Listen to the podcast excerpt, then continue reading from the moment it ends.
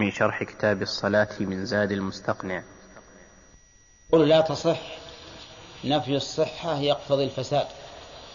نفي الصحة يقتضي الفساد. فإذا قرأ بقراءة خارجة عن مصحف عثمان فصلاته فاسدة على كلام المؤلف. وما المراد بالصحة؟ إذا قال العلماء في العبادات تصح أو لا تصح؟ قال العلماء الصحيح ما سقط به الطلب ما سقط به الطلب وبرئت به الذمة. والفاسد ما ليس كذلك. فإذا فعل الإنسان عبادة ولم يسقط الطلب بها عنه لاختلال شرط أو وجود مفسد قلنا إنها فاسدة. وإذا فعل عبادة وسقط بها الطلب وبرأت بها الذمة قلنا إنها صحيحة. وقوله بقراءة خارجة عن مصحف عثمان ما ما مصحف عثمان؟ مصحف عثمان رضي الله عنه هو الذي جمع الناس عليه في خلافته. وذلك أنه أن النبي صلى الله عليه وسلم توفي والقرآن لم يجمع. توفي والقرآن لم يجمع. بل كان في صدور الرجال وفي عصب النخل وفي اللخاف الحجارة البيضاء الرهيفة وما أشبه ذلك. ثم جمع في خلافة أبي بكر رضي الله عنه حين استحر القتل بالقرى في اليمامة. ثم جمع في عهد عثمان رضي الله عنه. في عهد عثمان سبب جمعه أن أن النبي صلى الله عليه وسلم قال إن القرآن أنزل على سبعة أحرف. فكان الناس يقرؤون بهذه الأحرف. وقد اختلفت لهجات الناس. فصار فيه خلاف في الأجناد الذين يقاتلون في أطراف المملكة الإسلامية. فخشي بعض القواد من الفتنة فكتبوا إلى عثمان رضي الله عنه في ذلك. فاستشار الصحابة فجمع المصحف بل القراءات على حرف واحد وهو لغة قريش يعني على لغة واحدة وهي لغة قريش. واختارها لأنها أشرف اللغات حيث إنها لغة النبي صلى الله عليه وسلم. وهي أعرب اللغات أيضا. يعني أن أرسخها في العربية. فجمع المصاحف كلها على مصحف واحد. وأحرق ما سواه فاجتمعت الأمة على هذا المصحف. ونقل إلينا نقلا متواترا. ينقله الأصاغر عن الأكابر ولم تختلف فيه الأيدي ولا النقلة بل هو محفوظ بحفظ الله عز وجل إلى يوم القيامة. لكن هناك قراءات خارجة عن هذا المصحف الذي أمر عثمان بجمع, بجمع المصاحف عليه. وهذه القراءات صحيحة ثابتة عمن قرأ بها عن النبي صلى الله عليه وسلم. لكنها تعتبر عند القراء اصطلاحا تعتبر شاذة تعتبر شاذة وإن كانت صحيحة. وقد اختلف العلماء رحمهم الله في هذه القراءة الشاذة في أمرين. الأمر الأول هل تجوز القراءة بها أو لا تجوز؟ وعلى القول بالجواز فهل تجوز القراءة بها في الصلاة وخارج الصلاة أو خارج الصلاة فقط؟ الأمر الثاني اختلف العلماء الذين يقولون لا يقرأ بها هل هي حجة في الحكم أو ليست بحجة؟ فمنهم من قال إنها ليست بحجة. ومنهم من قال إنها حجة. وأصح هذه الأقوال أنه إذا صحت هذه القراءة عمن قرأ بها من الصحابة فإنها مرفوعة إلى رسول الله صلى الله عليه وسلم وتصح القراءة بها في الصلاة وخارج الصلاة. هذا هو الأصح. أصح الأقاويل في هذا. لأنها إذا صحت موصولة إلى رسول الله صلى الله عليه وسلم فما المانع؟ نعم لا نقرأ بها أمام العامة. لأننا إذا قرأنا بها أمام العامة حصل بذلك فتنة وحصل بذلك تشويش وحصل بذلك قلة اطمئنان إلى القرآن الكريم. وقلة ثقة به. وهذا لا شك أنه مؤثر ربما على العقيدة فضلا عن العمل. لكن الكلام فيما بين الإنسان وبين نفسه أو فيما بينه وبين طلبة العلم الذين يفهمون حقيقة هذا الأمر. لا يقول قائل إذا صحت وصححتم الصلاة بها وصححتم القراءة بها. وجعل وأثبتتم الأحكام بها. لا يقول قائل لماذا لا تقرؤونها على العامة؟ لأننا نقول إن هدي الصحابة رضي الله عنهم ألا تحدث الناس بحديث لا تبلغه عقولهم. كما في حديث علي رضي الله عنه حدث الناس بما يعرفون. أي بما يمكن أن يعرفوه ويهضموه وتبلغه عقولهم أتريدون أن يكذب الله ورسوله؟ لأن العام إذا جاءه أمر غريب عليه نفر على طول وكذب. قال هذا شيء محال مستحيل. أنا لا أؤمن بهذا الشيء. ربما يقول هكذا مشكلة هذه. وقال ابن مسعود إنك لا تحدث قوما حديثا لا تبلغه عقولهم إلا كان لبعضهم فتنة. وصدق رضي الله عنه. فلهذا نحن لا نحدث العامة بشيء لا تبلغه عقولهم لئلا تحصل الفتنة ويتضرر في عقيدته وفي عمله.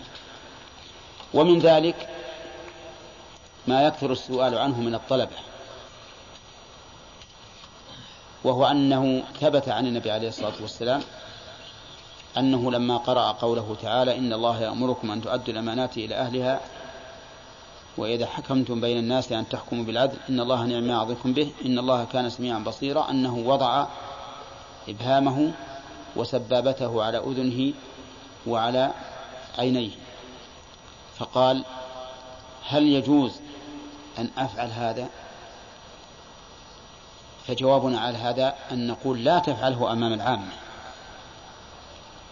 لأن العامة ربما ينتقلون بسرعة إلى اعتقاد المشابهة والمماثلة بخلاف طالب العلم. ثم هذا فعل من الرسول عليه الصلاة والسلام وليس أمرا. ما قال لنا ضعوا أصابعكم على أعينكم وآذانكم حتى نقول لا بد من تنفيذ أمر الرسول. هو فعل قصد به تحقيق هذا الأمر لا التعبد بذلك فيما, فيما يظهر لنا.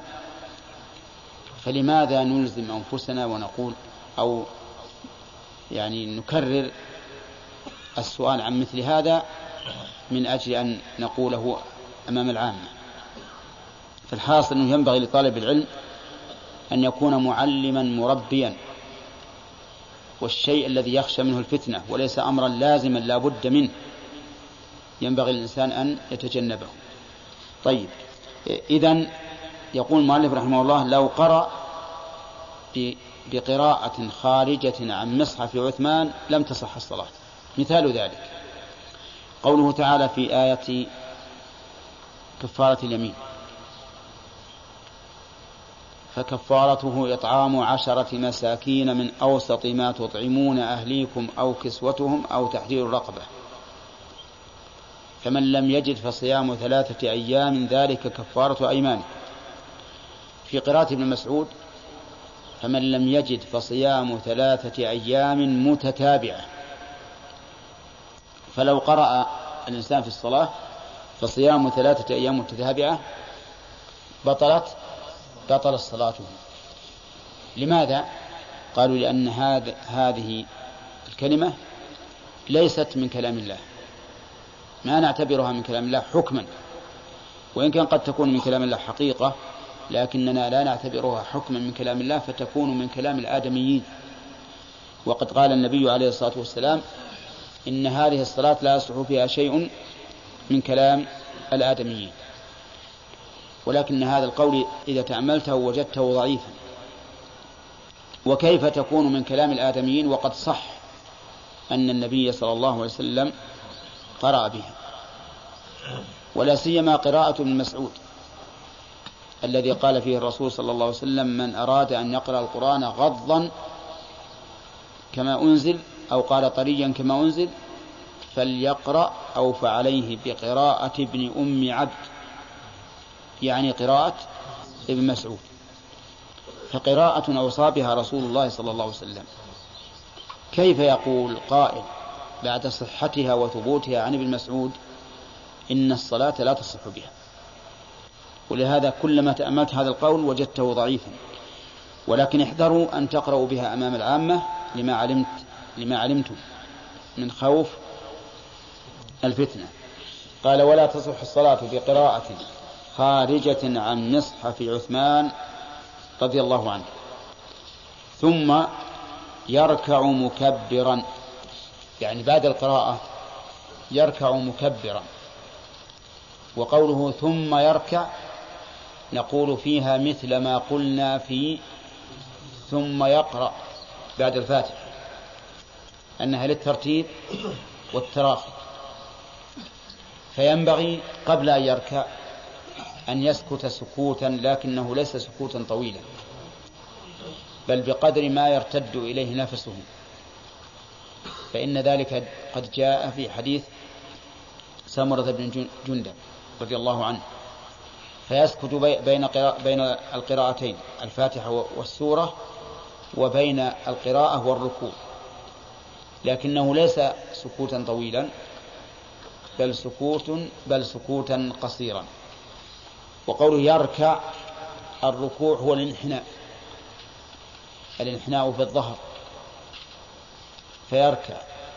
وهذا الركوع المقصود به تعظيم الله عز وجل. فإن هذه الهيئة من هيئات التعظيم. ولذلك كان الناس يفعلونها أمام الملوك والكبراء والأسياد.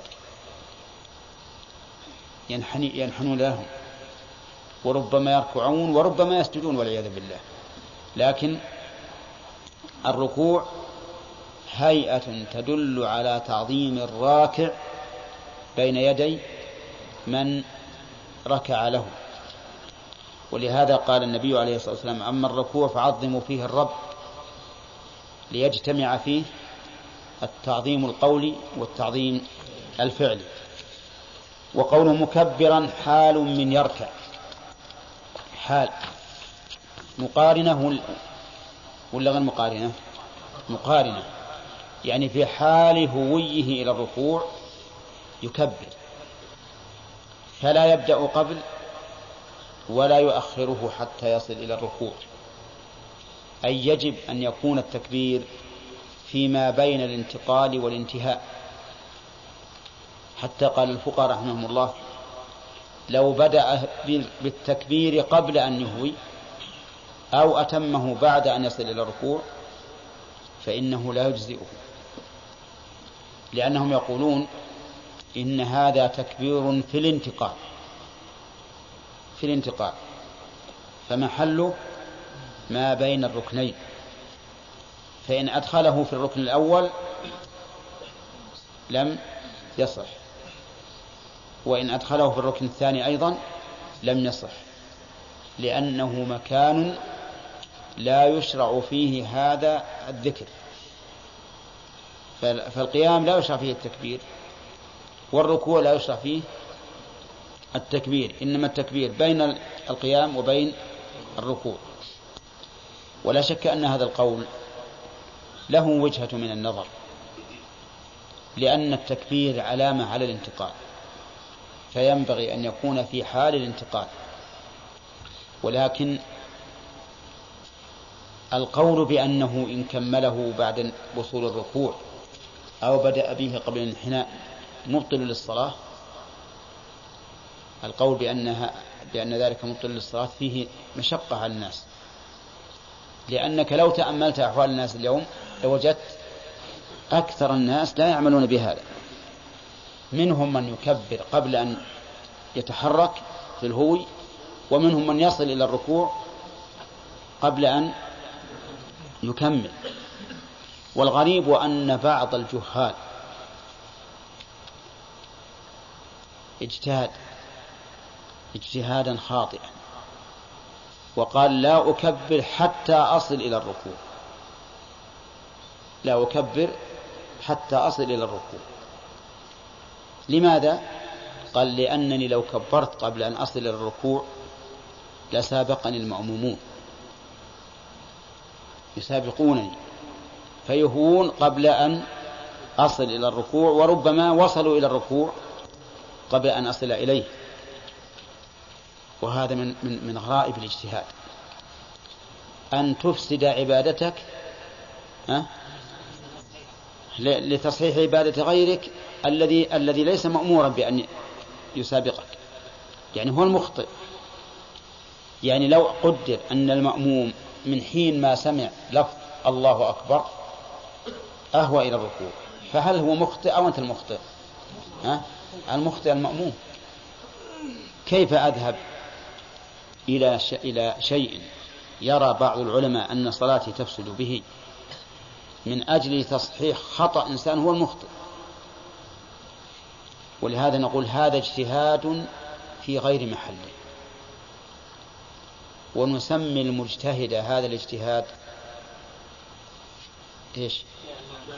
جاهلا مركبا. لأنه جهل وجهل أنه جاهل. طيب. إذا نقول كبر من حين أن تهوي واحرص على أن ينتهي قبل أن تصل إلى الركوع. ولكن لو لو وصلت إلى الركوع قبل أن تنتهي فلا حرج عليك والقول بأن الصلاة تفسد بذلك قول ضعيف ولا يمكن العمل به. قال ثم يركع مكبرا. نعم. ولا يمكن العمل به إلا بمشقة. ثم يركع مكبرا. رافعا يديه. رافعا يديه إلى حذو منكبيه أو إلى فروع أذنيه كما سبق عند تكبيرة الإحرام. ويرفع يديه إذا أراد أن يركع ثم يضعهما على ركبتيه. ودليل ذلك حديث ابن عمر أن النبي صلى الله عليه وسلم كان يرفع يديه إذا كبر للركوع. والحديث ثابت في الصحيحين وغيرهما. يقول ويضعهما رافعا يديه ويضعهما على ركبتيه.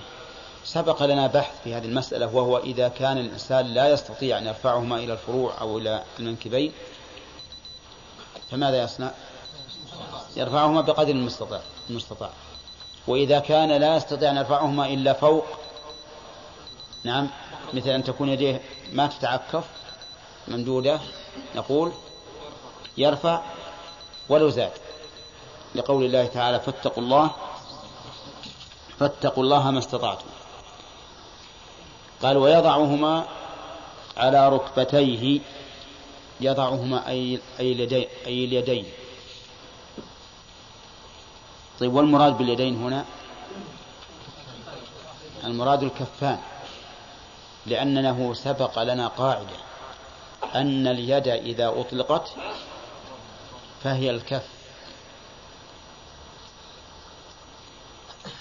صح؟ طيب. دليل القاعدة. أن الله لما أراد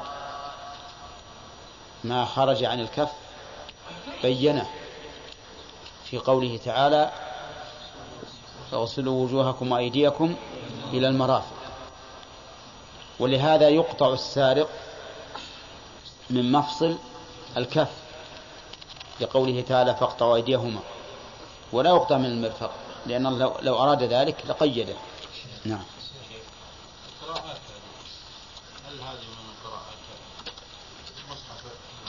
إي نعم نعم. كل القراءات السبعية هذه كلها من مصحف عثمان.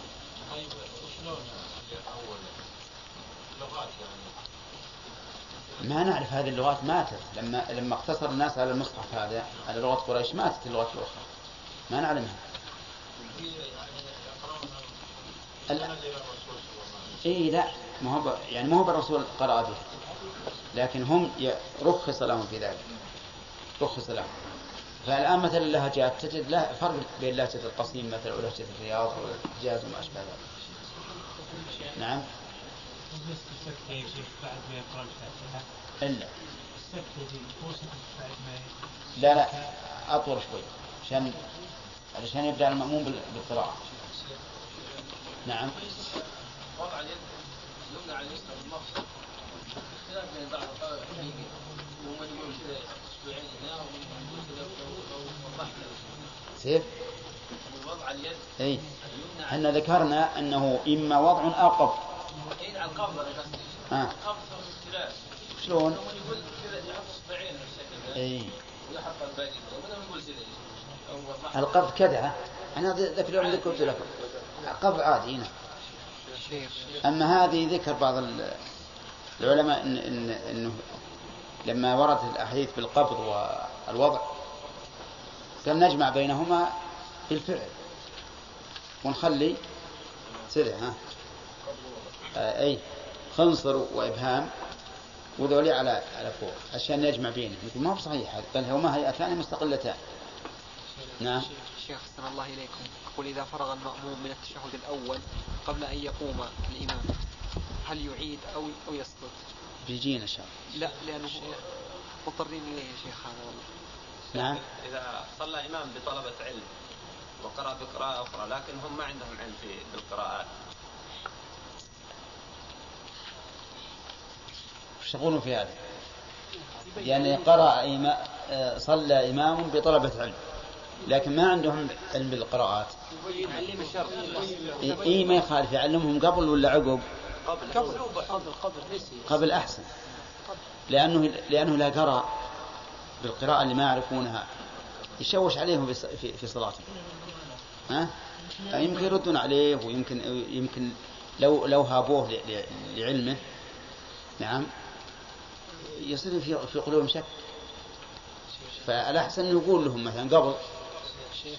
جزاك الله خير. ورد بعض الروايات كان يكبر حين يسجد. نعم. حين يسجد. إيه؟ حين يسجد. ما وصلنا السجود جزاك الله خير. لا بس موضع التكبير بس. إيه؟ التكبير في الانتقال. لا لا الرواية هذه حين يسجد. تبي تجينا إن شاء الله في السجود؟ شيخ. نعم. شيخ. بعض يقول لي ينبغي للإمام أنه ما يسجد. اي نعم. هذه لأنه لم يرد عن النبي صلى الله عليه وسلم. هذا الذين لم يصححوا حديث سمرة. هؤلاء الذين لم يصححوا حديث سمرة قالوا لا يسقط ولكن لا شك أن الصحيح السكوت. أولا لأن حديث كما قال ابن حجر ثابت وحسنه بعضهم وهو صحيح أنه واصل إلى درجة الحزن بلا شك. والشيء الثاني أنه من, من القاعدة الشرعية التفريق بين الفرض والنفل. وقراءة الفاتحة ركن. وما بعدها نفل فلو وصلت لم يتضح الفرق. جزاك الله خير شيخ. لو قال قائل إن قراءة النبي صلى الله عليه وسلم الزلزلة في الركعتين لعله كان مسافرا وإذا كان الإنسان مسافر يقرأ من قصار متصل ما يخالف. لا هو مو بالمشكل إنه قرأ قصير. المشكل إنه كررها.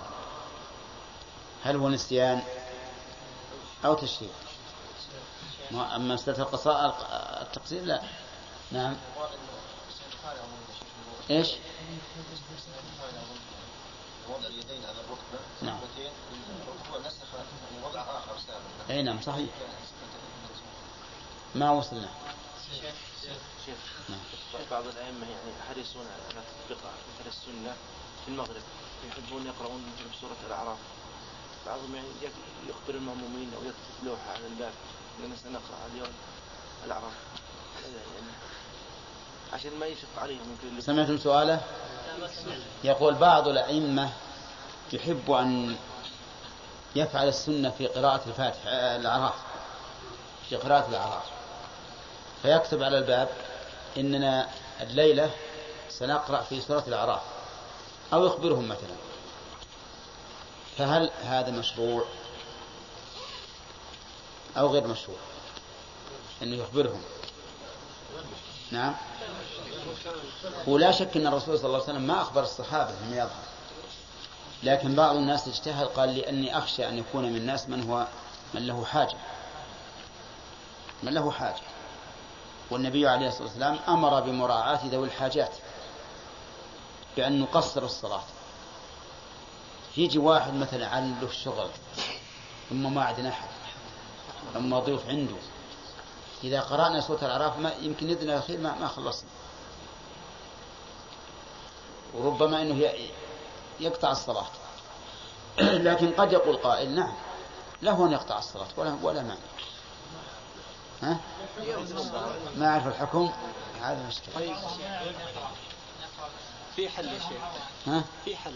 نعم. لا يقرأ الأعراف لا اللي اللي وده يطبق السنة يعني. اللي ودي يطبق السنة ما يطبقه في المسجد العام الذي يأتي كل أحد. إن أطلع وكشته أنا أذكر إني سألتك السؤال يا شيخ هذا وقلت لي أطلع وكشته طلبة علم لا يصلي ويقرأ الأعراف إيه. لا هو يرى هو يرى أن السنة أن يفعل الإنسان في مسجده الذي يصلي فيه. علم الناس السنة يجهلون هذا. صار ما يقرأ لكن هي ما هي سنة راتبة. يمكن الرسول فعلها مرة واحدة. مرة واحدة.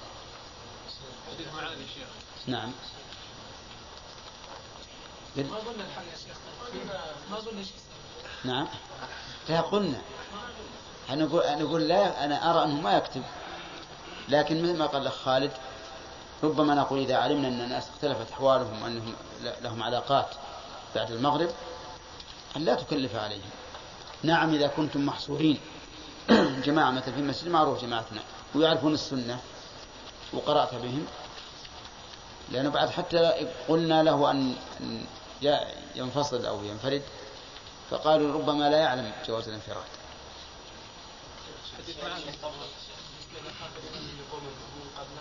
فقام ساكتا حتى يعني جلس الاستراحة وبعد جلسة الاستراحة يكبر لا أنا أرى إذا كان الإمام يرى جلسة الاستراحة أنه من يوم يرفع من السجود يكبر علشان يشوفون المأمومين يجلسون. لأن السنة إذا كان الإمام يت- يجلس استراحة أن تجلس طيب هم يقومون قبل إذا كبروا جلس الاستراحة سيقومون قبله ولا سيصلحون فيه دون الناس إذا خاف من هذا يعني مثل بأن كان ما هو معروف حال الإمام ربما نقول لا تكبر إلا إذا إذا إذا قمت. نعم. نعم. قال ويضعهما على ركبتيه ويضعهما يعني اليدين على ركبتيه مفرجتي الأصابع. قول يضعهما على ركبتيه هذا هو السنة وهي السنة الأخيرة. وقد كانت السنة قبل ذلك أن التطبيق وهو أن يضع الإنسان بطن كفه على كفه الأخرى ثم يضعهما بين ركبتيه أو بين فخذيه. وهذا كان في أول الإسلام. ثم بعد ذلك نسخ. وقد كان عبد الله بن مسعود رضي الله عنه يعمل بذلك لأنه لم يبلغه الناسخ. ولكنه قد ثبت في صحيح مسلم وغيره أن ذلك كان في أول الأمر ثم نسخ. وعلى هذا فيضع الكفين على الركبتين. معتمدا عليه ليس مجرد لمس بل يعتمد. وتكون مفرجتي الأصابع يعني لا مضمومة هكذا بل مفرجة هكذا كأنه قابض ركبتيه كما جاءت بذلك السنة. وقوله مستويا ظهره الاستواء يشمل استواء الظهر في المد واستواءه في العلو والنزول. يعني فليس يقوس ظهره ولا يحصره حتى ينزل وسطه. وليس أيضا ينزل مقدم الظهر حتى يكون كال كالذي يريد أن يصل إلى الأرض بوجهه بل كان ظهره مستويا. وقد جاءت بذلك السنة عن النبي صلى الله عليه وسلم.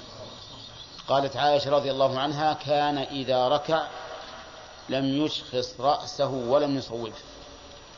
لم يشخصه يعني لم يرفعه. ولم يصوبه يعني لم ينزله ولكن بين ذلك وجاء كذلك فيما رواه الإمام أحمد أن النبي صلى الله عليه وسلم كان يسوي ظهره. وجاء عنه أيضا أنه كان يسويه حتى لو صب عليه الماء لاستقر. وهذا يدل على كمال التسوية. هذا بالنسبة للظهر فيكون الظهر والرأس سواء ويكون الظهر ممدودا مستويا. أما بالنسبة لليدين فعرفتم أنها أنهما توضعان على الركب مفرجتي الأصابع. وينبغي كذلك أيضا أن يفرج في يديه فيفرجهما عن جنبيه. ولكن هذا مشروط بما إذا لم يكن فيه أذية. فإن كان فيه أذية لمن كان إلى جانبه فإنه لا ينبغي للإنسان أن يفعل سنة يؤذي بها غيره. لأن الأذية فيها تشويش. على المصلي إلى جنبك وتلبيس عليه ثم إنه يخشى أن يكون ذلك داخلا في قوله تعالى والذين يؤذون المؤمنين والمؤمنات بغير ما اكتسبوا فقد احتملوا بهتانا وإثما مبينا. فإن هذا يشمل الأذى القولي والفعلي على كل حال يفرج عن جنب عضديه عن جنبيه ما لم يؤذي جاره فإن أذاه فلا ينتهك حرمة المسلم من أجل فعل سنة. قال مفرجة الأصابع مستويا ظهره. و والواجب من هذا أن ينحني بحيث يكون إلى الركوع التام أقرب منه إلى الوقوف التام.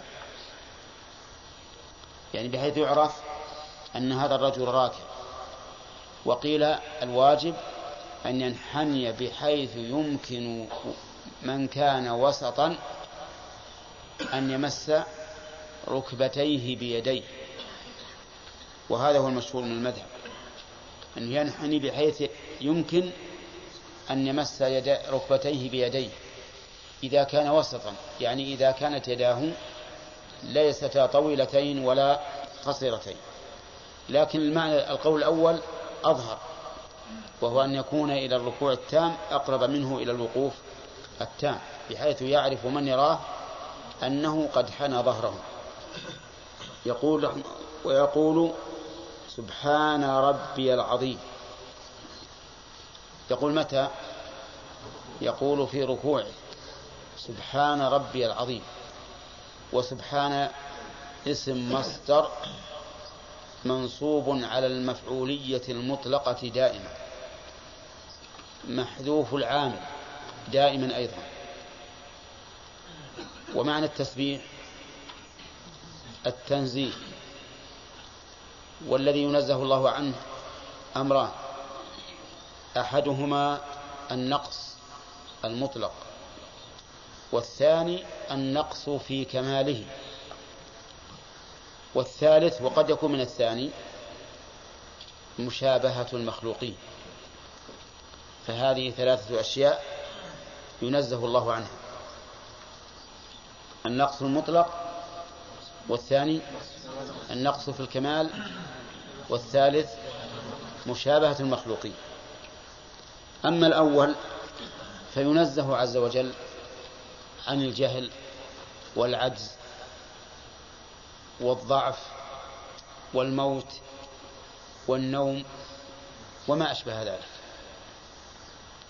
وأما الثاني فينزه عن النقص فيما يفعله عن عن التعب فيما يفعله. عن التعب فيما يفعله. كما في قوله تعالى ولقد خلقنا السماوات والأرض وما بينهما في ستة أيام وما مسنا من لغوب. فهو فالقدرة والخلق لا شك أنها كمال. لكن قد يعتريها النقص بالنسبة للمخلوق. فالمخلوق قد يصنع بابا قد يصنع قدرا قد يبني بناء ولكن مع التعب والإعياء. فيكون هذا نقصا في إيش؟ في الكمال. أما الرب عز وجل فإنه لا يلحقه تعب ولا إعياء حتى مع هذه المخلوقات العظيمة السماوات والأرض وفي هذه المدة الوجيزة ومع ذلك ما مسه تعب ولا ولا ولا إعياء. الثالث مشابهة المخلوقين فإن مشابهة المخلوقين نقص لأن إلحاق الكامل بالناقص يجعله ناقصا. بل مقارنة الكامل بالناقص يجعله ناقصا. كما قيل ألم تر أن السيف ينقص قدره؟ إذا قيل إن السيف أمضى من العصا لأنك لو قلت والله عندي سيف عندي سيف حديد قوي أمضى من العصا ماذا يفهم الناس من هذا السيف؟ أه؟ أنه ضعيف. إذا قلت أنه أمضى من العصا معناه أنه ليس بشيء. فعلى كل حال الذي ينزه الله عنه هذه الأمور الثلاثة. أن النقص المطلق والنقص في الكمال ومشابهة المخلوقين. وقول رب العظيم العظيم في ذاته وصفاته. فإنه سبحانه وتعالى في ذاته أعظم من كل شيء. قال الله تعالى يوم نطوي السماء كطي السجل للكتب كما بدأنا أول خلق نعيده وعدا علينا إنا كنا فاعلين. طي السجل الكتب سهل جدا. إذا كتب الإنسان وثيقة وطواها فهي عنده سهلة. وقال عز وجل وما قدر الله حق قدره والأرض جميعا قبضته يوم القيامة. والسماوات مطويات بيمينه. سبحانه وتعالى عما يشركون. وما السماوات السبع والأراضون السبع في كف الرحمن إلا كخردلة في كف أحدنا. وأما عظم صفاته فلا تسأل عنه. ما من صفة من صفاته إلا وهي عظمى. كما قال الله تعالى ولله المثل الأعلى وهو العزيز الحكيم. إذا أنت تنزه الله سبحانه وتعالى وتصفه بعد تنزيهه بأمرين كماليين كاملين وهما الربوبية والعظمة. فيجتمع من هذا الذكر التنزيه والتعظيم. والتنزيه والتعظيم باللسان تعظيم قولي وبالركوع تعظيم فعلي. فيكون الركوع جامعا بين التعظيمين القولي والفعلي ولهذا قال النبي عليه الصلاة والسلام ألا وإني نهيت أن أقرأ القرآن راكعا أو ساجدا. أما الركوع فعظموا فيه الرب. ومقام تعظيم الغير مقام ذل للمعظم. ولهذا لما كان القرآن أشرف الذكر لم يناسب أن يقرأه الإنسان وهو في هذا في هذا الانحناء والخضوع بل يقرأ في حال القيام. والقيام أكمل حالا من من الركوع من حيث الهيئة. وإن كان الركوع لا شك أن الذل لله عز وجل عز. قال يقول سبحان ربي العظيم. ولم يقل المؤلف أو لم يذكر كم يقول ذلك. نعم. ولكن سيأتينا إن شاء الله تعالى في ذكر الواجبات الصلاة. أن الواجب مرة وما زاد فهو سنة. وقول المؤلف يقول سبحان ربي العظيم ظاهره أنه لا يزيد عليها شيئا. فلا يقول وبحمده. وهذا هو المشهور من المذهب وهو أن الاقتصار على قول سبحان ربي العظيم أفضل من أن يزيد قوله وبحمده. ولكن الصحيح أنه أن المشروع أن يقول أحيانا وبحمده لأن ذلك قد جاء قد جاءت به السنة. وقد نص نص الإمام أحمد رحمه الله أنه يقول هذا وهذا لورود السنة به. فيقتصر أحيانا على سبحان ربي العظيم وأحيانا يزيد وبحمده. وظاهر كلامه أيضا. أنه لا يقول ما صح به الحديث عن عائشة رضي الله عنها أن النبي صلى الله عليه وسلم كان يكثر أن يقول في ركوعه وسجوده سبحانك اللهم ربنا وبحمدك اللهم اغفر لي. ولكن السنة قول ذلك. وأن يقول الإنسان هذا لأن النبي صلى الله عليه وسلم كان يقوله سبحانك اللهم ربنا وبحمدك اللهم اغفر لي. وكذلك أيضا ظاهر كلام المؤلف أنه لا يقول سبوح قدوس رب الملائكة والروح ولكن السنة قد جاءت به وصحت عن النبي صلى الله عليه وسلم. فعلى هذا يزيد سبوح قدوس رب الملائكة والروح. ولكن هل يقول هذه الزيادة الأخيرة دائما؟ بالإضافة إلى سبحان ربي العظيم وسبحانك اللهم ربنا وبحمدك أو أحيانا هذا محل احتمال. وقد سبق لنا أن الاستفتاحات الواردة لا تقال جميعا إنما يقال بعضها أحيانا وبعضها أحيانا. لكن أذكار الركوع المعروف عند عامة العلماء أنها تذكر جميعا تذكر جميعا. قال ويقول سبحان ربي العظيم. ثم يرفع رأسه. ثم يرفع رأسه.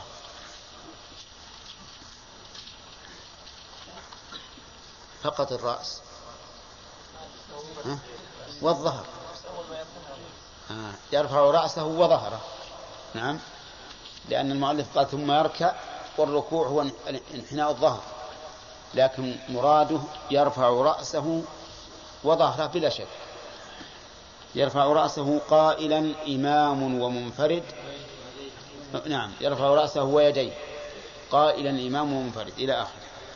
يرفع رأسه ويديه. الرفع من الركوع ركن. ولا بد منه. لقول النبي صلى الله عليه وسلم للمسيء في صلاته ثم ارفع حتى تطمئن قائما. وأما رفع اليدين فإنه سنة. إن فعله الإنسان فهو أفضل وإن تركه فصلاته صحيحة. هذا هو الذي عليه عامة أهل العلم. والرفع هنا سنة ثبتت بحديث ابن عمر رضي الله عنهما الثابت في الصحيحين وغيرهم أن النبي صلى الله عليه وسلم كان يرفع يديه إذا كبر الركوع وإذا رفع من الركوع إذا قال سمع الله لمن حمده. قال قائلا إمام ومنفرد. ربنا ولك الحمد. قائلا نعم. طيب. قائلا حال من؟ ها؟ فاعل يرفع. حال من فاعل يرفع. إذا فيكون القول في حال الرفع. ويكون هذا الذكر. سمع الله لمن حمده. من أذكار الرفع فلا يقال قبل الرفع ولا يؤخر لما بعده. ويقال في هذا ما قيل في التكبير. فمن العلماء من قال يجب أن يكون قوله سمع الله لمن حمده ما بين النهوض إلى الاعتدال فإن, فإن قاله قبل أن ينهض أو أخر بعضه أو كله حتى اعتدل فإن صلاته لا تصح. لكن سبق لنا أن الأمر في هذا واسع وأنه لا ينبغي إلحاق الناس الحرج في هذا الأمر. قائلا إمام ومنفرد سمع الله لمن حمده. سمع من المعروف. أنها تتعدى بنفسها. كما قال الله تعالى قد سمع الله قول التي تجادلك في زوجها. وهنا تعدت بالله ولا يمكن أن نقول إن تعديتها باللام من أجل ضعف العامل لأن العامل هنا فعل وهو الأصل في العمل. ولكن نقول تعدت باللام لأنها ضمنت معنى معنى فعل يعد باللام. لأن سمع هنا ضمنت معنى فعل يعد باللام. ما هو أقرب فعل يتناسب مع هذا الفعل؟ استجاب. قال الله تعالى فاستجاب لهم ربهم أني لا أضيع عمل عامل منكم من ذكر أو أنثى بعضكم بعض. وعلى هذا فمعنى سمع أي استجاب. وهذا هو المراد بدلالة اللفظ ودلالة المقام. أما دلالة اللفظ فهو تعدي الفعل بإيش؟ بالله وأما دلالة المقام فلأن مجرد السمع لا يستفيد منه الحامد إنما يستفيد الحامد بماذا؟ بالاستجابة. أما مجرد السمع فإن الله يسمع من حمده ومن لم يحمده. ولكنها ولكن الذي يستفيد منه هو الاستجابة. وعلى هذا فيكون الفعل هنا مضمنا معنى استجاب. بدلالة نعم. نقول ذلك بدلالة لفظية ودلالة حالية أو مقامية. ولكن الذي يستفيد منه هو الاستجابة. وعلى هذا فيكون الفعل هنا مضمنا معنى استجاب. بدلالة نعم. نقول ذلك بدلالة لفظية ودلالة حالية أو مقامية. اللفظية ما هي؟ تعدي بالله والحالية أو المقامية إذا شئت هو أنه لا يستفيد الإنسان من سمع الله المجرد بل لا يستفيد إلا من استجابته. وقول سمع الله لمن حمده سبق لنا أن الحمد هو وصف المحمود بالكمال مع المحبة والتعظيم. ولكن قد يقول قائل كيف تقولون إن سمع بمعنى استجاب وهنا ليس فيه دعاء؟ والجواب على ذلك أن نقول إن من حمد الله فإنه قد دعا ربه بلسان الم... بلسان الحال. لأن الذي يحمد الله وش يرجو يرجو الثواب. فإذا كان يرجو الثواب فإن الثناء على الله بالحمد والذكر والتكبير مثلا متضمن للدعاء لأنه لم يحمد الله إلا رجاء الثواب. فإذا نقول سمع الله لمن حمده كيف تقول إن معناه استجاب؟ فنقول لأن الحامد إنما حمد الله رجاء لثوابه. فيكون استجاب مناسبا تماما لذلك. قال سمع الله لمن حمده. لا بد أن يكون بهذا اللفظ. فلو قال استجاب الله لمن أثنى عليه. فهل يصح؟ لا يصح. لأن هذا ذكر واجب فيقتصر فيه على الوارد. ولا بد أن يكون على هذا الترتيب. سمع الله لمن حمده. فلو قال الله سمع لمن حمده. لم يصح. ولو قال لمن حمده سمع الله لم يصح أيضا. لا بد من الترتيب.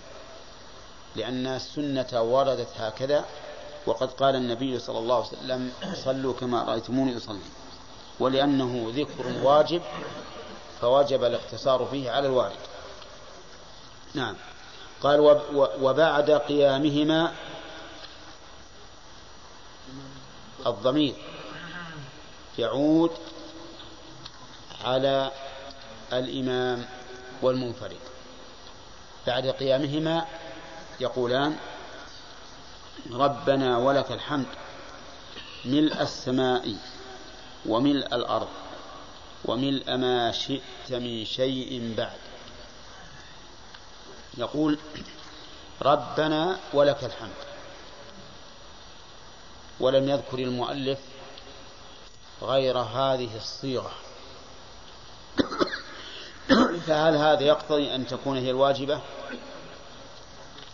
يحتمل أن يكون هكذا. ويحتمل أن المؤلف اقتصر على هذه الصيغة طلبا للاختصار.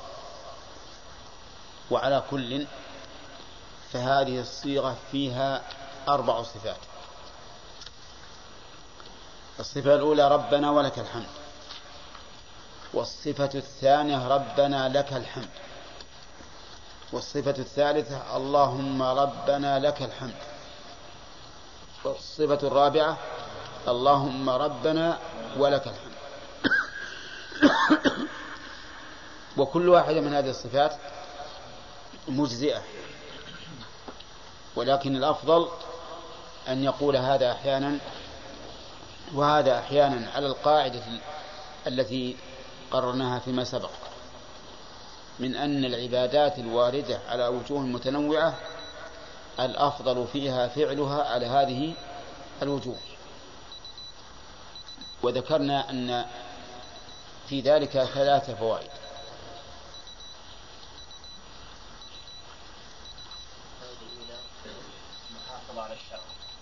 محافظة على السنة. طيب يعني إحياء كل من السنة. اتباع السنة. اتباع السنة. حضور القلب. لأن الإنسان إذا صار إذا صار مستمرا على صيغة واحدة صارت كأنها أوتوماتيكية يقولها وهو لا يشعر. فإذا كان منتبها يغير يقول هذا أحيانا وهذا أحيانا صار ذلك أدعى لحضور القلب. شيبة؟ الملل. نعم. دفع ما عن الإنسان. وهذا في العبادات المتنوعة قد يكون في غير هذا الموضوع. أيضا. نعم. سؤال؟ أي طيب. يلا حسين. نقل بعض الاخوان عندنا فتوى أن من ذكر هذه الأذكار. جملة ذكر أكثر من الأذكار في أحد أركان إيش؟ أن من؟ من ذكر هذه الأذكار المتنوعة. نعم. في موضع واحد فقط أنها بدعة. نعم. وسوى بذلك مثل اذكار الصباح والمساء نعم. أن من ذكرها في موضع واحد؟ يعني من جمعها قصد. نعم الأذكار المتنوعة جمعها كلها في موضع واحد. أما إذا كانت كل واحدة بدعة عن الأخرى فهذا لا شك أنها بدعة. يعني لو قال الإنسان ربنا ولك الحمد اللهم ربنا لك الحمد اللهم ربنا ولك الحمد ربنا لك الحمد. قلنا هذا بدعة. لكن لكن إذا جمع إذا جمعها وهي مختلفة. من من نوع واحد فلا يظهر أنها بدعة. ولهذا نقول في أذكار الصلوات تجمع بينها. تجمع بينها. أذكار الصباح والمساء كذلك. أحسن الله إليك. بالنسبة للاستمرار وضع اليد على على الركبة هل هو شرط في الركوع أم لا؟ هل هو إيش؟ هل هو شرط؟ لا لا مو شرط. يعني دو... لا ليس بشرط. بعض الأئمة يا شيخ. يرفعون من الركوع ولا ولا يقول سمع الله لمن حمده إلا وهو قائم. في هذه الحال يأتي مسبوق ويركع وهو قائم يعني ما ي- وهو رافع من الركوع. هل يصح تجزئه الركعة هذه ليدركها مع قبل أن يقول سمع الله لمن حمده. سمعت من سؤال ها؟ يقول إن بعض الأئمة لا يقول سمع الله لمن حمده إلا بعد قيامه. ثم يأتي شخص فيركع. والإمام قد رفع. يركع والإمام قد رفع. فهل يعتد بهذه الركعة؟ لأنه ركع قبل أن يقول الإمام سمع الله لمن حمده؟ أو لا يعتد بها لأنه لأن الإمام رفع من الركوع؟ الجواب لا يعتد بها. لا يعتد بها لا شك. لكن هذا من جهل الأئمة. وقد مر علينا أن بعضهم يقول أنا أؤخر التكبير أو التسميع لئلا يسبقني المأمومون. وسبق لنا بيان خطأ هذا الشخص.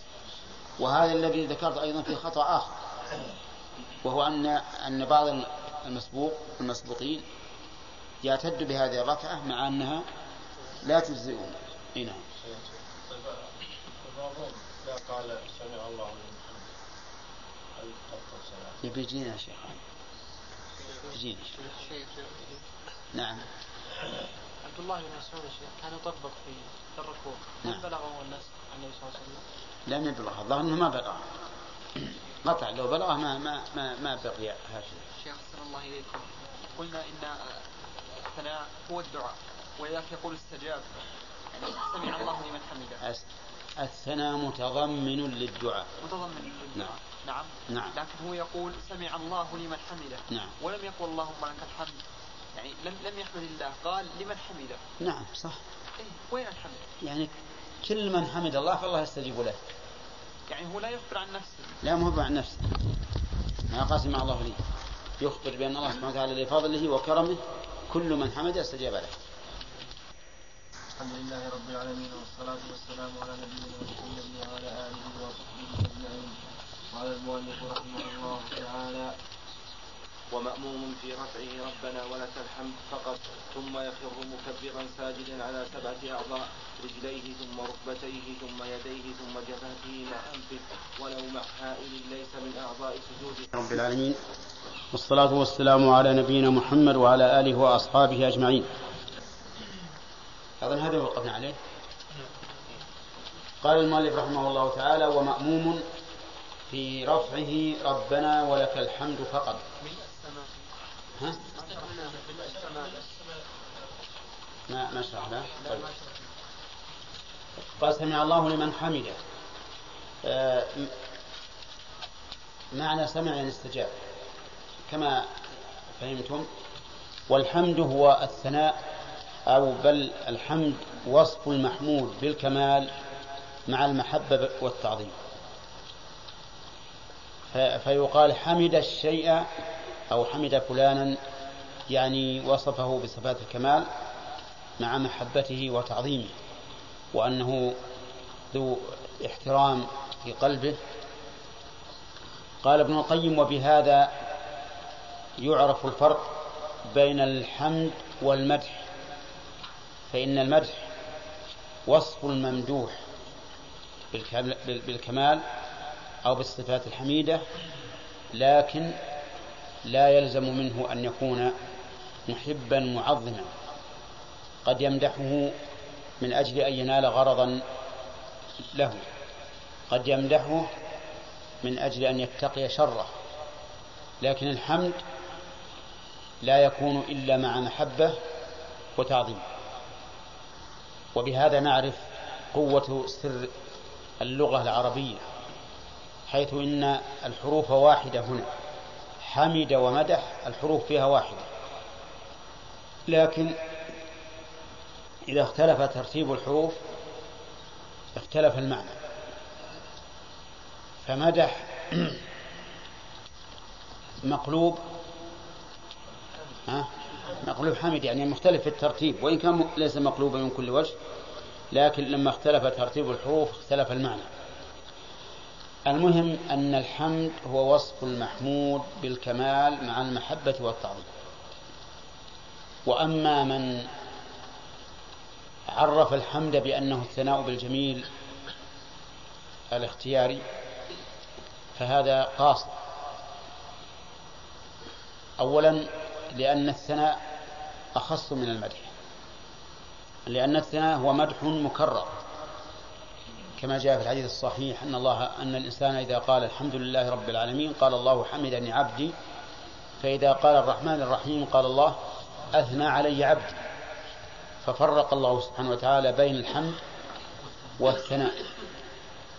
ثانيا أنه بالجميل الاختياري يخرج الحمد على كمال الصفات اللازمة التي لا تتعدى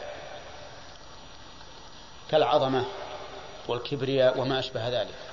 والله تعالى محمود على صفات الكمال اللازمة وصفات الكمال المتعدية فهو محمود على كماله كماله ومحمود على إحسانه سبحانه وتعالى. قال ملء السماء ملء السماء وملء الأرض وملء ما شئت من شيء بعد. ملء هذه صفة لموصوف محذوف. والتقدير حمدا ملء. حمدا ملء. وحمدا هذه المحذوفة منصوبة على المصدر والعامل فيها المصدر في قوله ربنا ولك الحمد.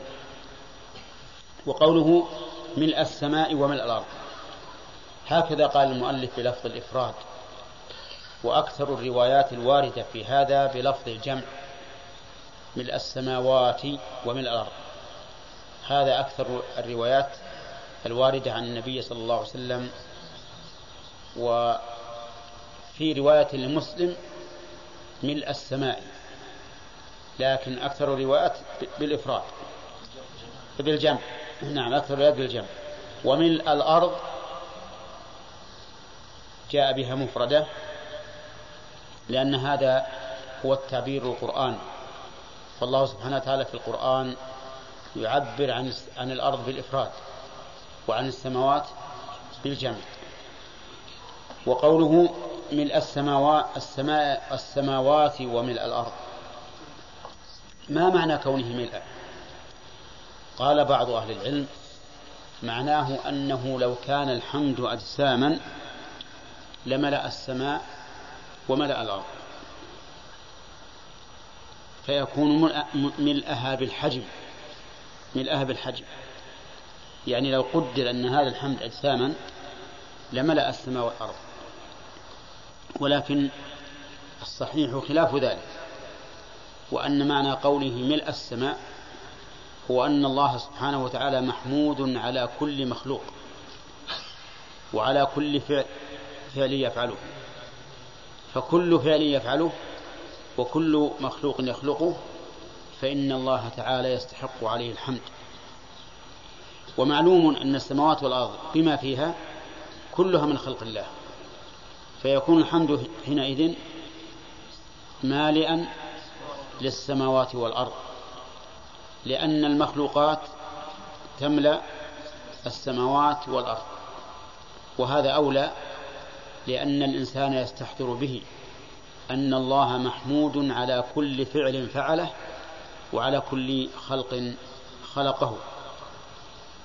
أما أن نقدر أنه أجسام متراكمة فهذه أيضا تختلف لأن الأجسام قد تكون صغيرة وقد تكون كبيرة.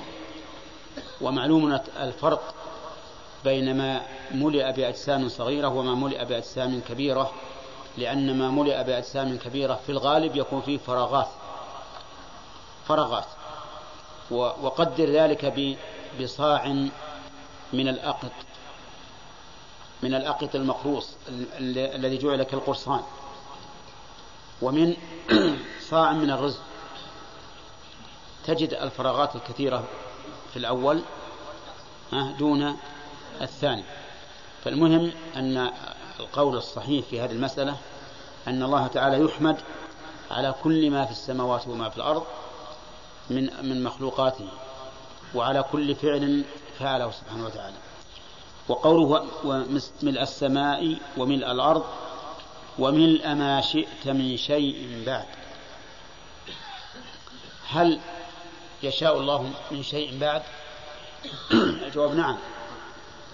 لأن السماوات والأرض تطوى وتزول ثم تأتي الجنة والنار فهو أعم من بقاء السماء والأرض. من السماوات ومن الأرض ومن ما شئت من شيء بعد.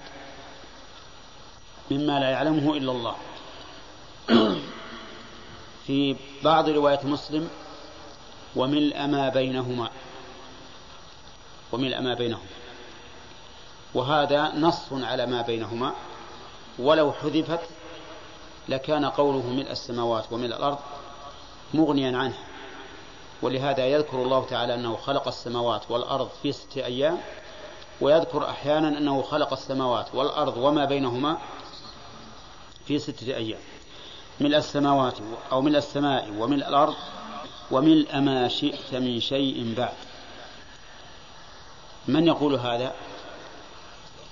يقوله الإمام والمنفرد لقول المؤلف ومأموم في رفعه ربنا ولك الحمد فقط. قال هو مأموم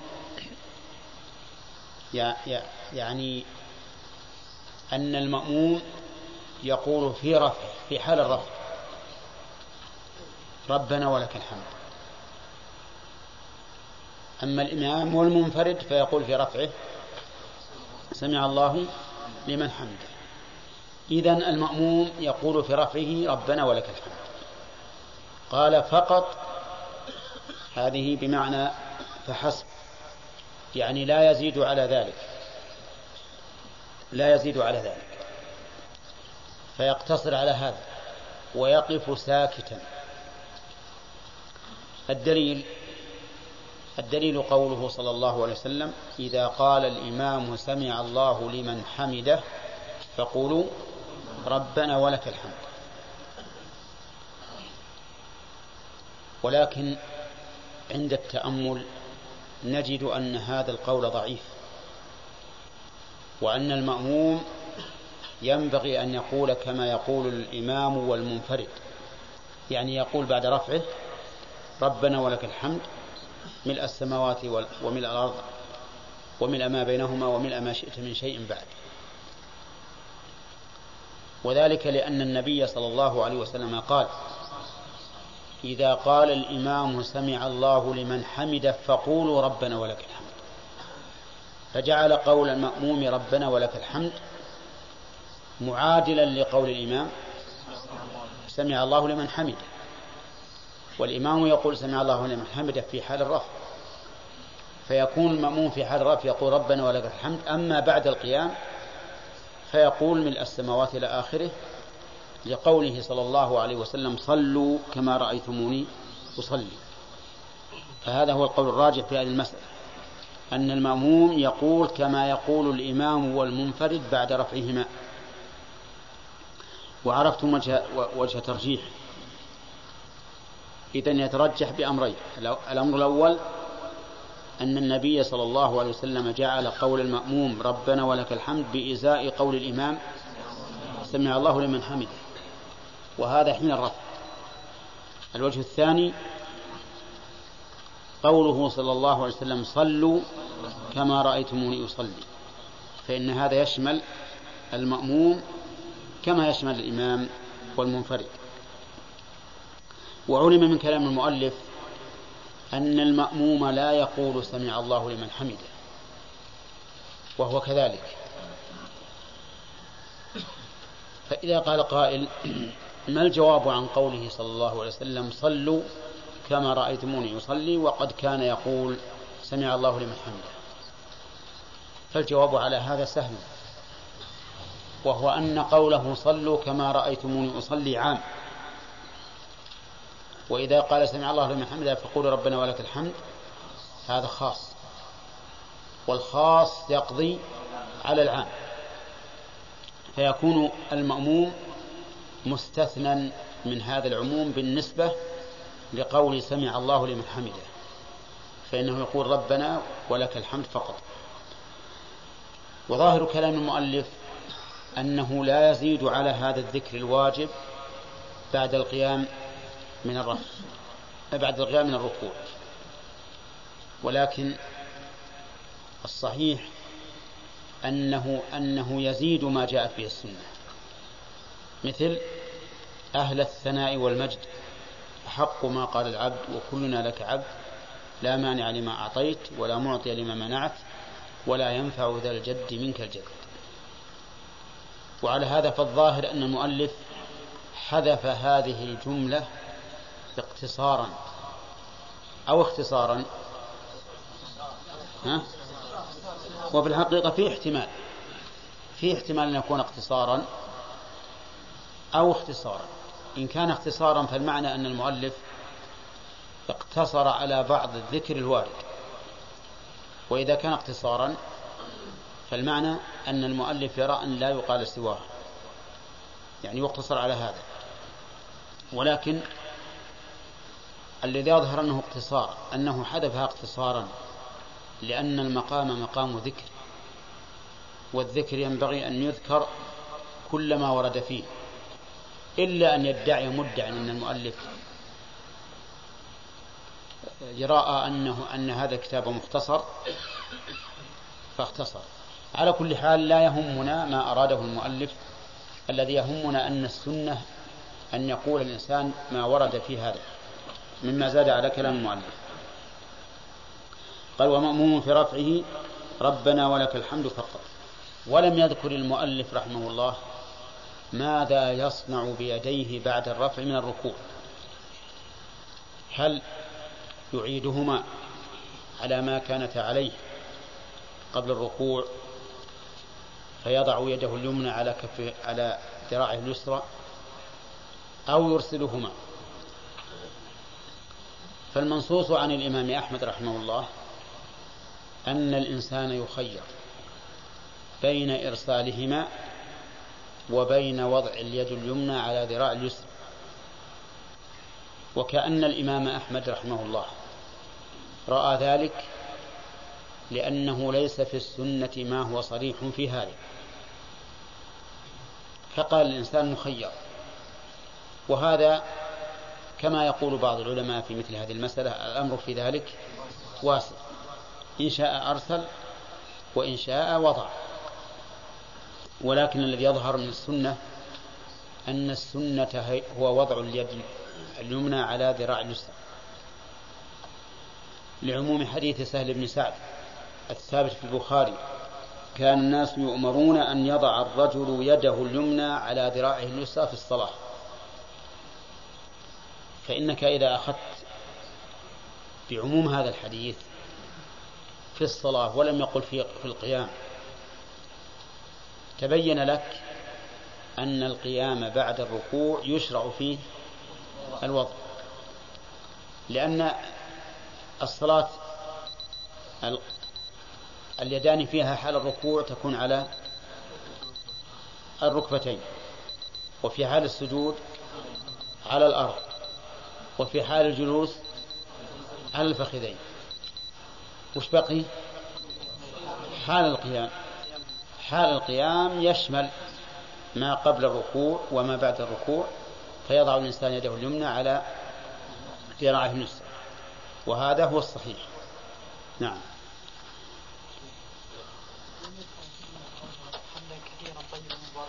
ها؟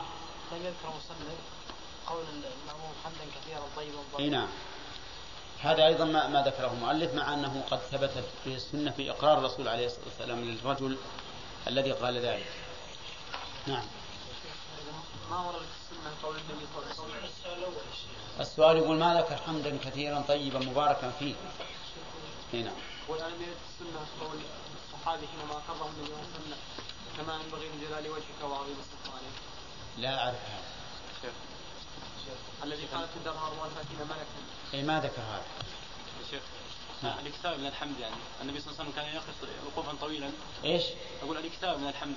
النبي صلى الله عليه وسلم كان يقف وقوفا طويلا. نعم. فلا نقول يعني إن الإنسان يحمد كما يشاء. ما ما جاءت به السنة وما لم وما لم نعم. يعني مثلا اذا إذا كان في صلاة تطال فيها الأركان مثل مثل الركوع والقيام بعده والسجود والجلوس يكرر الحمد. أقول يكرر الحمد. يأتي بالوارد ويكرر ما شاء. مثل أن يقول لربي الحمد اللهم لك الحمد وما أشبه ذلك. طيب يا شيخ في وجه ثالث أن المأمون يقول مثل مثل الإمام. أنت قلت آه، النبي صلى الله عليه وسلم قال صلوا كما رأيتموني- رايتموني اصلي نعم. في- في وجه الشيخ ما نقول قاعدة أن ال- المأمون الأصل أن الماموم يفعل مثل الإمام إلا ما جاء الدليل بالتخصيص نعم ما في شك هذا هو, هو الأصل. كل مصلي كل مصلي إمام أو مأموم أو منفرد ذكر أو أنثى فيفعل كما فعل الرسول صلى الله عليه وسلم. نعم. هل يجوز أن يرسل ال- الأذكار في في قوله سمع الله لمن ربنا ولك الحمد حمدا كثيرا طيبا مباركا فيه ملء السماوات هكذا الظاهر أنه لا بأس به لأن الأول بإقرار الرسول صلى الله عليه وسلم وهذا بفعله. لكن كونه يبدأ ب- بما جاء بما جاءت به السنة صريحا عن الرسول أحسن. أي نعم. نعم يا أحمد. في هذه من الزيادات التي لا تنبغي. يغ... نعم. لأنه يقال أن الألفاظ الواردة في الأذكار ينبغي المحافظة عليها. نعم. اليدين بعد الركوع إيش؟ إرسال اليدين بعد الركوع. نعم. إن شاهدنا رجل يرسل يديه. نقول له انك أنت خالفت السنة أو نقول له على الساعة. والأمر أما على على مذهب الإمام أحمد فالأمر على السعة ما نقول له شيء. لا نقول ضع ولا لا تضع ولا أرسل. لكن على ما رجحناه ينبغي أن ندله. لأن بعض الناس قد يغتر بكلام بعض العلماء الذين أنكروا هذا إنكارا عظيما. يعني أنكروا الوضع. وزعموا أنه بدعة. فيبين له لأنه يخشى أن يعتقد إن الوضع بدعة. فيكون في هذا خطر عليه. نعم. جاء في سنن الدار قطني من حديث أبي هريرة رضي الله عنه وأرضاه أنه قال كنا إذا قال النبي عليه الصلاة والسلام سمع الله لمن حمده قلنا سمع الله لمن حمده ربنا ولك الحمد. نعم. فماذا يجاب عنه؟ يجب بأن هذا اجتهاد منهم مخالف لأمر الرسول عليه الصلاة والسلام. لأن الرسول قال إذا قال سمع الله لمن حمده فقولوا ربنا ولك الحمد مع أن الإمام يقول ربنا ولك الحمد بالاتفاق. لكن هو يعني إيه هذا هذا مثل قول ابن مسعود رضي الله عنه كنا نقول بعد موت الرسول السلام على النبي بعد قوله السلام عليك أيها النبي بدل قوله السلام عليك أيها النبي. ولا شك أن هذا من فعل ابن مسعود رضي الله عنه ليس عن عن جميع الصحابة لأن عمر بن الخطاب خطب على المنبر على منبر الرسول وأمر بالتشهد وقال قولوا السلام عليك أيها النبي ورحمة الله وبركاته. صريح؟ هنا نعم.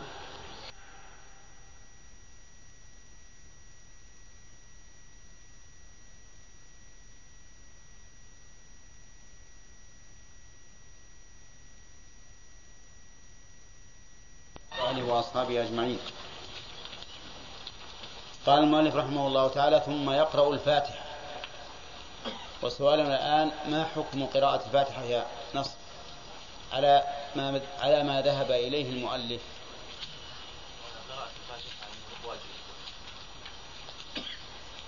من أي نوع من أنواع الواجبات؟ الواجب اللي على صاحب أي هذا تعريف الواجب.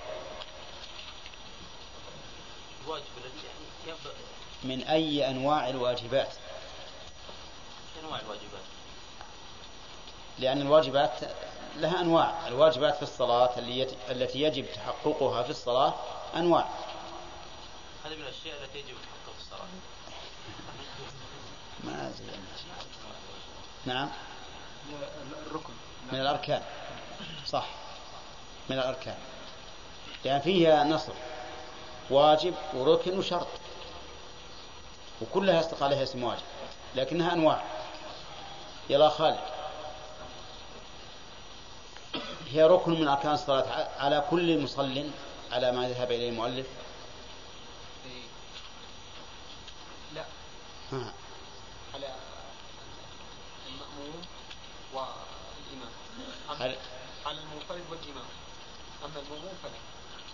إذا ركن في حق الإمام والمنفرد. دون المأموم. كيف نستخرج هذا من كلام المؤلف؟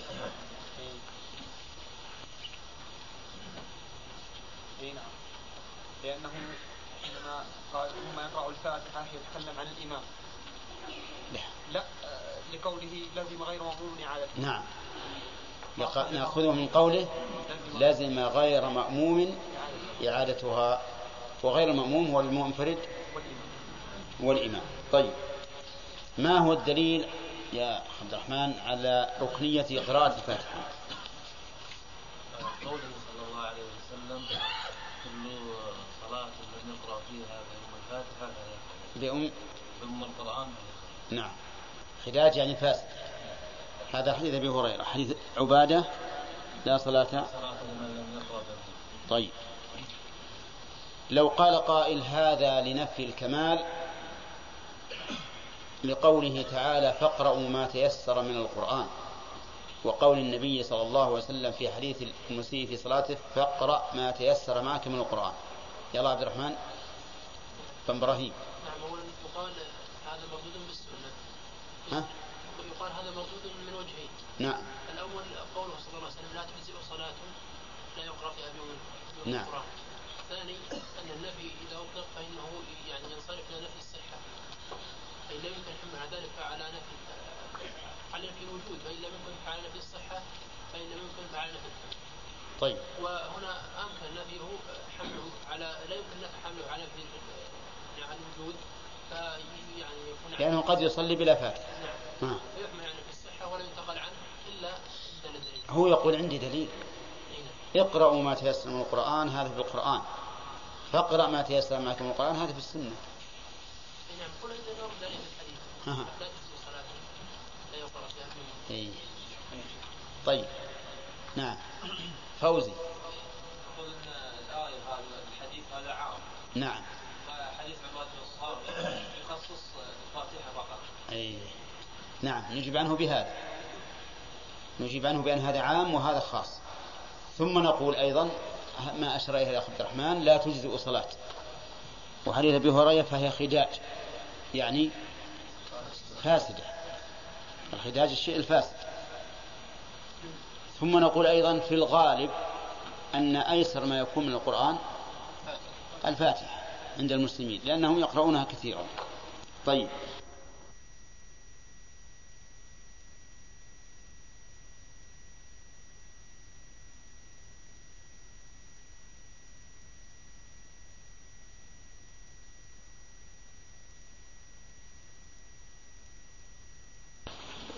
الحمد لله والصلاة والسلام على رسول الله قال المؤلف رحمه الله تعالى ثم يخر مكبرا ساجدا على سبعة أعضاء على سبعة أعضاء رجليه على إيش؟ سبعة أعضاء رجليه ثم ركبتيه ثم يديه ثم جبهته مع أنفه. ولو مع حائل ليس من أعضاء السجود. بس. الحمد لله رب العالمين والصلاة والسلام على نبينا محمد خاتم النبيين وإمام المتقين وعلى آله وأصحابه ومن تبعهم بإحسان إلى يوم الدين. قال المؤلف رحمه الله تعالى ثم يخر مكبرا قوله ثم كلمة أو حرف عطف في الترتيب والتراخي. ولم يبين المؤلف رحمه الله مقدار هذا التراخي. ولكنه قد دلت السنة من حديث البراء بن عازب وغيره على أن هذا القيام أي أن- أعني الاعتدال بعد الركوع يكون بمقدار الركوع تقريبا. فقد قال البراء بن عازب رضي الله عنه رمقت صلاة النبي صلى الله عليه وسلم أو قال الصلاة مع النبي صلى الله عليه وسلم فوجدت قيامه وقعوده وركوعه وسجوده ما عدا القيام والجلوس يعني في التشهد قريبا من السواء قريبا من السواء. وعلى هذا فالسنة الواردة عن النبي عليه الصلاة والسلام إطالة هذا الركن أعني ما بين الركوع والسجود. خلافا لمن كان يسرع فيهما بل لمن كان لا يطمئن فيهما كما نشاهده من بعض المصلين. من حين أن يرفع من الركوع يسجد. فالذي يفعل هذا أي لا يطمئن بعد الركوع صلاته باطلة لأنه ترك ركنا من أركان الصلاة. وقد رأى النبي صلى الله عليه وسلم رجلا يصلي ولا يطمئن فصلى الرجل ثلاث مرات وكلها يقول فيها رسول الله صلى الله عليه وسلم ارجع فصلي فإنك لم تصلي.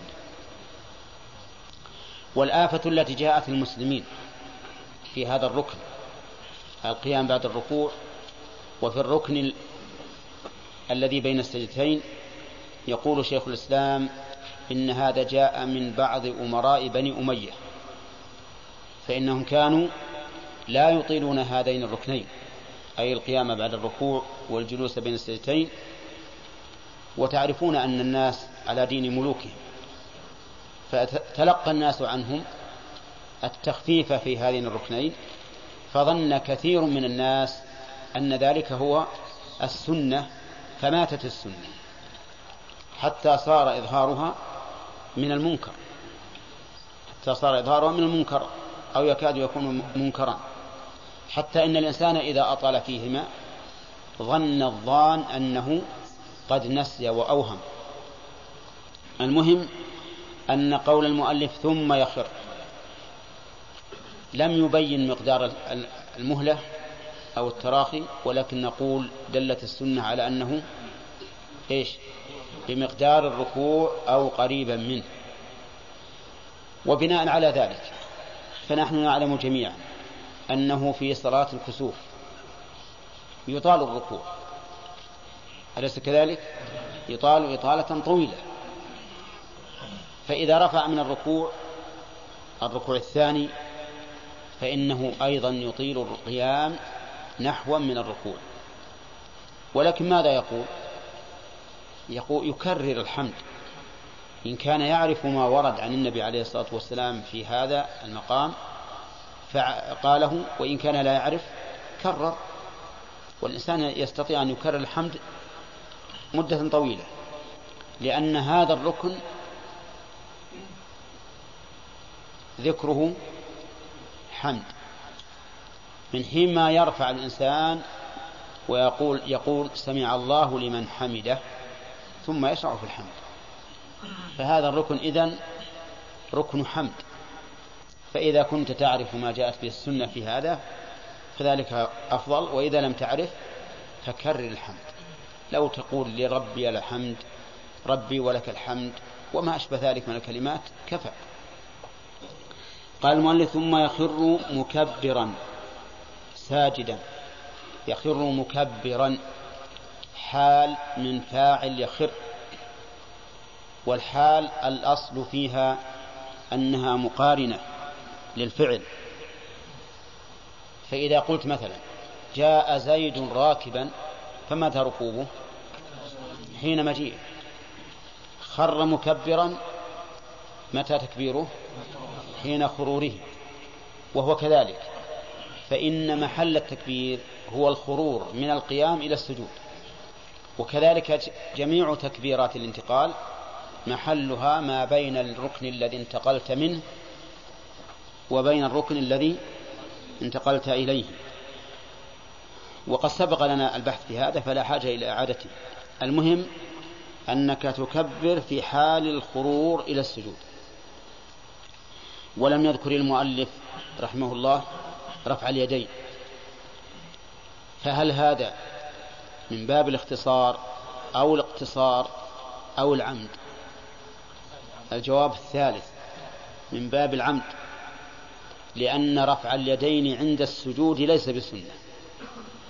فقد ثبت في الصحيحين من حديث ابن عمر رضي الله عنهما وهو من أشد الناس حرصا على السنة وأضبط الناس لها أنه ذكر أن رسول الله صلى الله عليه وسلم كان يرفع يديه إذا كبر للإحرام وإذا ركع كبر للركوع وإذا رفع من الركوع. قال وكان لا يفعل ذلك في السجود. ولا في ولا إذا قام من السجود.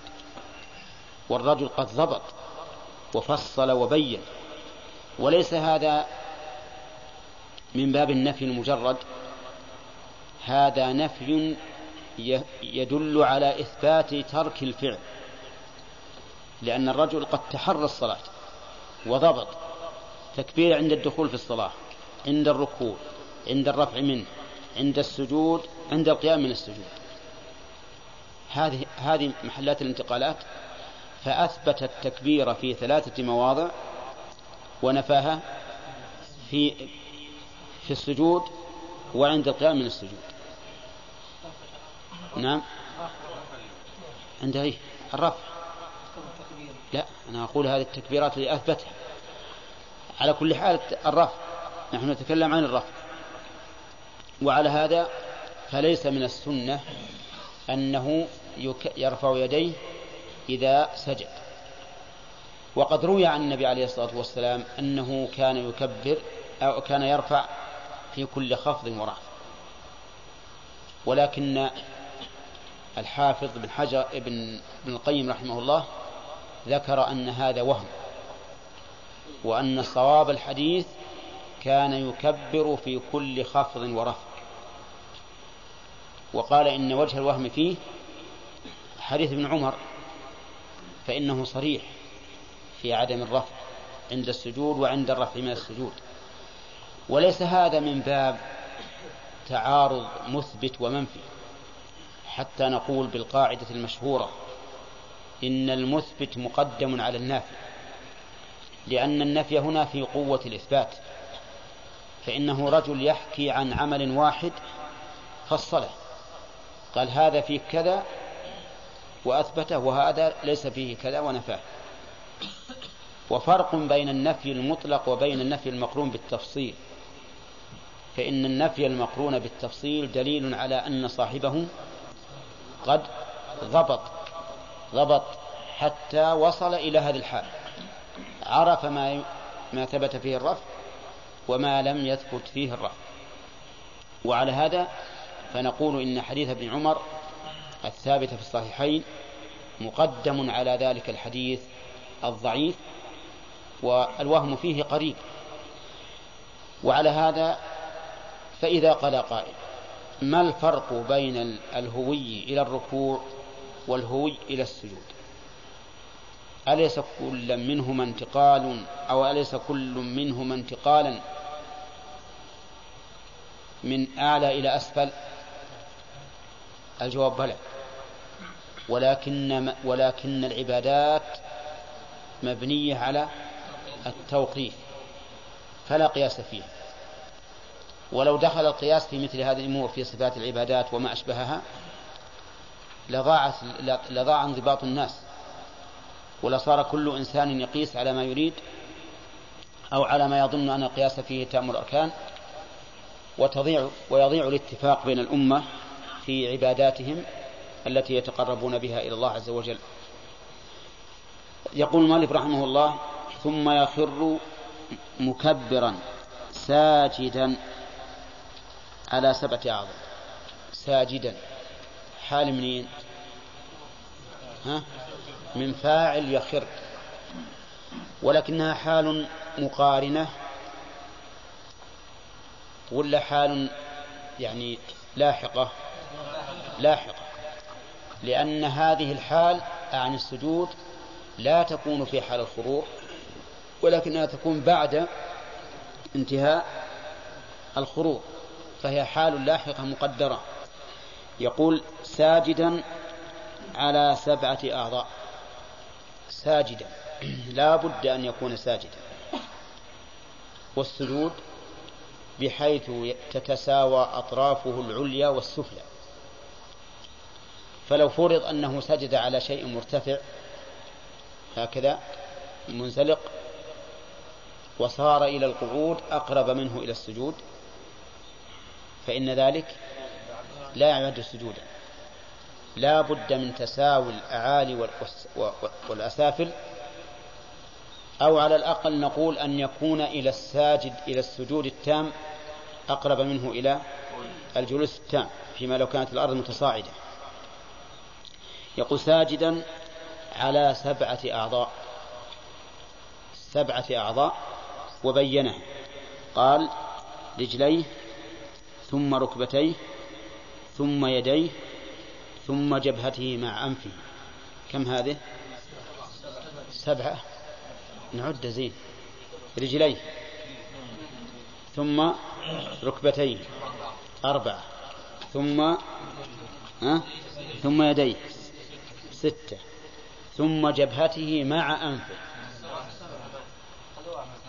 جبهة وأنف؟ الجبهة والأنف واحد؟ واحد؟ عضو واحد.